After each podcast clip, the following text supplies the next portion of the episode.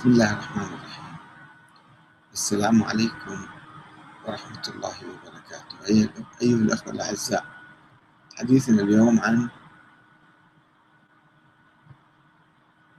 الوهابية وثقافة الاستبداد ثقافة القهر والغلبة أن الحكم يأتي لمن يغلب لمن يسيطر.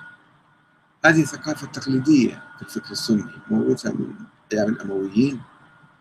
نظر لها الإمام أحمد بن حنبل وسهر عليها كثير من الفقهاء فقهاء السلاطين وتبناها الفكر الوهابي. لم يغير فيها أي شيء بل كرسها أشد التكريس وأضاف إليها التكفير تكفير عامة الناس بما يقصيهم ويسلبهم حقوقهم حتى حياتهم. الآن نلاحظ في تجربة الدولة السعودية الأولى. التي قامت في أواسط القرن الثامن عشر وإلى سنة 1818 حيث قضى عليها محمد علي باشا الوالي العثماني أو القائد العثماني في تلك الأيام. الوهابية وثقافة الاستبداد والقهر والغلب تجربة الدولة السعودية الأولى في القرن الثامن عشر. لقد كان النظام السياسي القرون الماضية بصورة عامة والنظام البدوي بصورة خاصة. يقوم على القوة والوراثة وليس الشورى والانتخاب. وكان يعاني من خلل كبير هو التباس حق الخلافة في الإمارة من يخلف الأمير. عندما يموت الأمير وليس له ابن رشيد أو كبير مثلا. أو ذو مقدرة معترف بها ليتولى مقاليد الحكم فتنشأ المشاكل دائما. إذ يقع النزاع المسلح على الخلافة خلافة الأمراء أقصد بين المتنافسين من أخوة وأعمام وأولاد أعمام. فتقع نتيجة لذلك سلسلة من الحروب الداخلية لا تنتهي إلا بدمار المجتمع وزرع مزيد من العداوة والبغضاء فيه. وبين أبنائه. وكان ينتظر من أي مصلح خاصة إذا كان يهدف إلى التجديد في الدين أن يحل هذه المشكلة المزمنة ليعيد الأمور إلى طبيعتها ويقيم نظاما إسلاميا يقوم على الشورى والاختيار والتبادل السلمي للسلطة. ولكن الشيخ محمد بن عبد الوهاب الذي كان يركز على موضوع إصلاح العقيدة ومحاربة الشرك في الأمة لم يلتفت كثيرا إلى مشكلة النظام السياسي. وانخرط في النظام البدوي الوراثي القائم تلك الأيام في أواسط الجزيرة العربية في نجد بل كرس ذلك النظام وأعطاه شرعية دينية. وبايع الأمير محمد بن سعود بدلا من أن يأخذ البيعة من الأمير له هو بايع دعمه يعني. في مقابل أن الأمير يدعم دعوة محمد بن عبد الوهاب الدعوة الوهابية وما يسمى الدعوة النجدية وعلى أي حال فإن اتفاق الشيخ مع الأمير لم يطرح أي تصور واضح عن العلاقة بين الحركة الوهابية وبين آل سعود. ولم يتضمن أي حديث عن نظام الشورى أو مشاركة الأمة في انتخاب الإمام. أو حتى مشاركة الحركة الوهابية في انتخاب الإمام. ولم يشر إلى أي دور له أو لذريته في تعيين الإمام في المستقبل في العقد اللي عقدوه مع بعض. أو كيفية إدارة الدولة واتخاذ القرارات المهمة فيها. كما لم يتحدث عن طريقة تبادل السلطة داخل الإمارة بين الأبناء والإخوان من آل سعود. وإنما ترك كل ذلك لما اعتاد عليه النظام القبلي ولإرادة الأمير الحاكم هو يقرر كما يشاء. وهكذا اتخذت التجربة الوهابية السعودية الأولى التي قامت على يد الشيخ محمد بن عبد الوهاب والأمير محمد بن سعود عام 1158 هجرية في أواسط القرن الثاني عشر. اتخذت صفة الحكم الاستبدادي المطلق وخلت من أي صورة من صور المشاركة الشعبية سواء في داخل الحركة الوهابية أو بالنسبة للجماهير التي خضعت لحكم الدولة التي أقامتها باسم الوهابية. يعني لم تعترف بأي حقوق سياسية للناس اللي دخلوا في الدولة وأرغموا على الخضوع لها.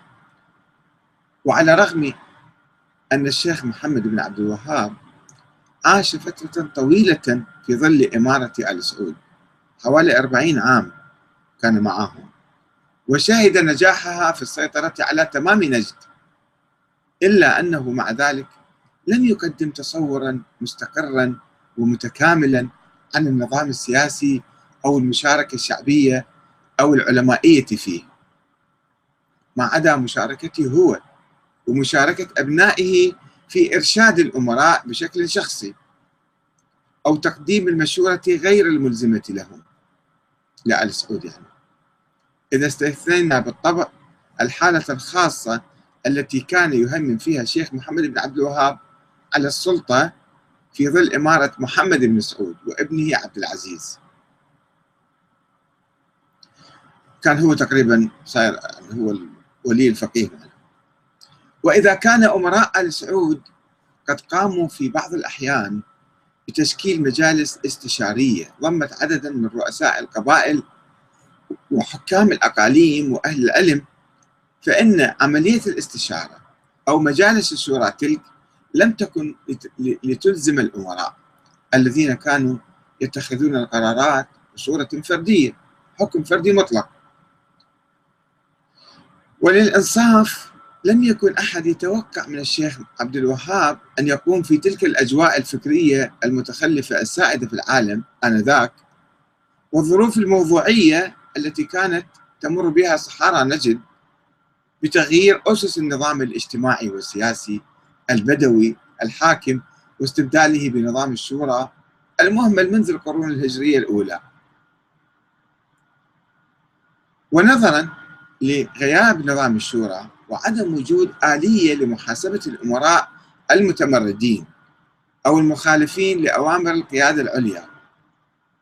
لم يكن أمام النظام الوهابي الجديد سوى اللجوء إلى القوة لحل الخلافات الداخلية. كما حدث مع الأمير عثمان بن معمر أو معمر الذي كان قد أصبح قائدا أعلى للقوات الوهابية عام 1161 والذي حاول أن يسلك طريق الصلح والسلام مع خصوم الدعوة الوهابية وخصوصا مع أمير الرياض دهام بن دواس الذي دعاه إلى العيينة للحوار معه وأرسل إلى الشيخ محمد بن عبد الوهاب وألح عليه بالحضور قال تعال شاركنا بالمفاوضات حتى ليش نتحارب؟ ظلوا 40 سنة يتحاربون في نجد. ولكن الشيخ محمد بن عبد الوهاب رفض الصلح. واللقاء بدهام. وقرر بدلا من ذلك تصفية عثمان بن معمر اغتيالا. وهو قائد الجيوش الوهابية كان. وهابي كان أيضا. فأرسل إليه من يقتله في المسجد بعد أداء صلاة الجمعة. في منتصف رجب عام 1163 هجرية. هذا مذكور في كتبهم مو أنا جايبه من عندي. يقول الشيخ حسين بن غنام هذا مؤرخ وهابي مشهور. عنده كتاب اسمه عنوان المجد في تاريخ نجد. يقول لما تزايد شر عثمان بن معمر على أهل التوحيد هو من عندهم بس خالفهم شوية مثلا تمرد عليهم أو انتهج سياسة مثلا سلمية شوية أكثر فصار شر هذا عنده. لما تزايد شر عثمان بن معمر على أهل التوحيد وظهر بغضه لهم وموالاته لأهل الباطل اللي هم أهل نجد يعني أهل الرياض. وتبين الشيخ محمد بن عبد الوهاب صدق ما كان يروى عنه. طيب روح شوفه تكلم معاه تفاهم وياه ليش بسرعة تغتاله سرا. وجاءه أهل البلاد كافة كافة. هذا مؤرخ يقول شيء. الله أعلم كم واحد اشتكوا عندي. وشكوا إليه خشيتهم من غدره بالمسلمين. لاحظوا تعبيرات لطيفة. يعني الوهابيين فقط هم المسلمين والبقية أهل, أهل الرياض بقية البلاد دول كفار مشركين. فخافوا غدر هذا القائد الوهابي بالمسلمين يعني بالوهابية. لما تبين له ذلك قال الشيخ حينئذ لمن وفد عليه من أهل العيينة هاي قرية كانت هناك بنجد قريب الرياض. فلما أريد منكم البيعة على دين الله ورسوله. ومعاداة من عاداه وموالاة من والاه. شلون النبي عين الإمام علي؟ يوم غدير الخوم أن الله موالي من والاه وعادي من عاداه. هذا بده يأخذ البيعة هالشكل على نفسه. أنه هو دين يمثل دين الله ياهو اللي يعاديه فهو يعادي دين الله. واللي يخالفه يخالف دين الله. واللي يواليه يوالي هذا الشخص. ولو أنه أميركم عثمان تعالوا بايعوني أنتم أنا إيش من أقول لكم سووا؟ حتى لو تقتلون أميركم اللي هو عثمان. عثمان بن معمر. فلما انقضت صلاة الجمعة قتلوه في مصلاه بالمسجد في رجب سنة 1163 فلما بلغ الخبر الشيخ محمد بن عبد الوهاب ركب إلى بلد العيينة ركب راح هناك واستعمل فيها أميرا يسمى مشاري ابن معمر هذه الرواية ابن غنام يرويها في تاريخ نجد. آه، صفحة 103 وابن بشر في عنوان النجد جزء واحد صفحة 60 و 61 وكان موضوع تكفير المسلمين الذين لا يؤمنون بمبادئ الوهابية وإعلان الحرب عليهم موضع خلاف داخلي في الحقيقة. وتململ في صفوف الكيان الوهابي الجديد في أيامه الأولى. عندما سيطروا وصاروا يكفرون الناس ويقتلوهم ويستبيحون دمائهم وذولا مشركين بس مو كل الناس اللي كانوا بالحركة الوهابية وافقوا محمد عبد الوهاب. هذول أهلنا أقاربنا ناس مسلمين شلون نكفرهم ونقاتلهم؟ نهجم عليهم نستبيح حلالهم ونسائهم وأطفالهم. فصار في خلاف. بيناتهم بين متطرفين وبين معتدلين. حيث ألف الشيخ سليمان بن عبد الوهاب أخو الشيخ محمد عبد الوهاب وكان وياه بالحركة الوهابية يعني وكان قاضي هو هذا أيضا قاضي في حريملة منطقة اسمها قرية اسمها حريملة. كان يشغل منصب القضاء في حريملة ف استنكر هذا التطرف في التكفير ومهاجمة الناس. فكتب كتاب أنه ما يجوز إحنا نكفر الناس الشكل على العموم وحتى بالخصوص يعني. كتابا ألف كتابا يرفض فيه بشدة عملية التكفير لعموم المسلمين. ما ما خلت واحد مسلم باقي كل الناس صاروا كفار. وقد أدى انتشار ذلك الكتاب ورفض الشيخ محمد مبادرة الصلح مع عثمان بن معمر إلى حدوث تململ عام في كافة المدن والقرى الوهابية. فانشق أمير ثرمدة أيضا قرية هناك هي كلها قرى حوالي الرياض يعني كان. فانشق أمير ثرمدة إبراهيم بن سلمان. وقام أمير ضرمة أيضا قرية أخرى هاي اسمها ضرمة إبراهيم بن محمد بن عبد الرحمن سنة 1164 لاحظوا تسلسل الأحداث. قاموا بالتمرد. وتبعه أهل حريملة. بإعلان الاستقلال عن حكم آل سعود سنة 1165 بقيادة أخوه سليمان بن عبد الوهاب. وإخراج الوهابيين من بلدتهم عن جماعة محمد عبد الوهاب. وقتل أميرهم محمد بن عبد الله المبارك. قتلوا أميرهم. صاروا ثورة سووا يعني. وهكذا فعل أهل منفوحة أيضا قرية هناك موجودة الذين طردوا في السنة التالية أميرهم محمد بن صالح طردوه وتمردوا على القيادة الوهابية. مثل مثل ابن سعود ومحمد عبد الوهاب. وأرسل الشيخ سليمان أخوه الشيخ سليمان ابن عبد الوهاب. أرسل رجلا من أنصاره إلى العيينة اسمه سليمان بن خويطر. وأعطاه كتابه في المحافل والبيوت. نروح نشر الثقافه والفكر أنه شنو التكفير شنو التطرف شنو العنف هذا؟ كتابه كان يحتوي على الموضوع هذا. فأثر هذا اخذ الكتاب وصار يزور الناس والعوائل وكذا ويقرأ لهم الكتاب ويقول هذا رأي الشيخ القاضي هو المحترم أيضا. فأثر في قلوب بعض أهل العيينة حتى. كما تأثر بعض أهل الدرعية نفسها بفكر الشيخ سليمان المعتدل والرافض للتكفير.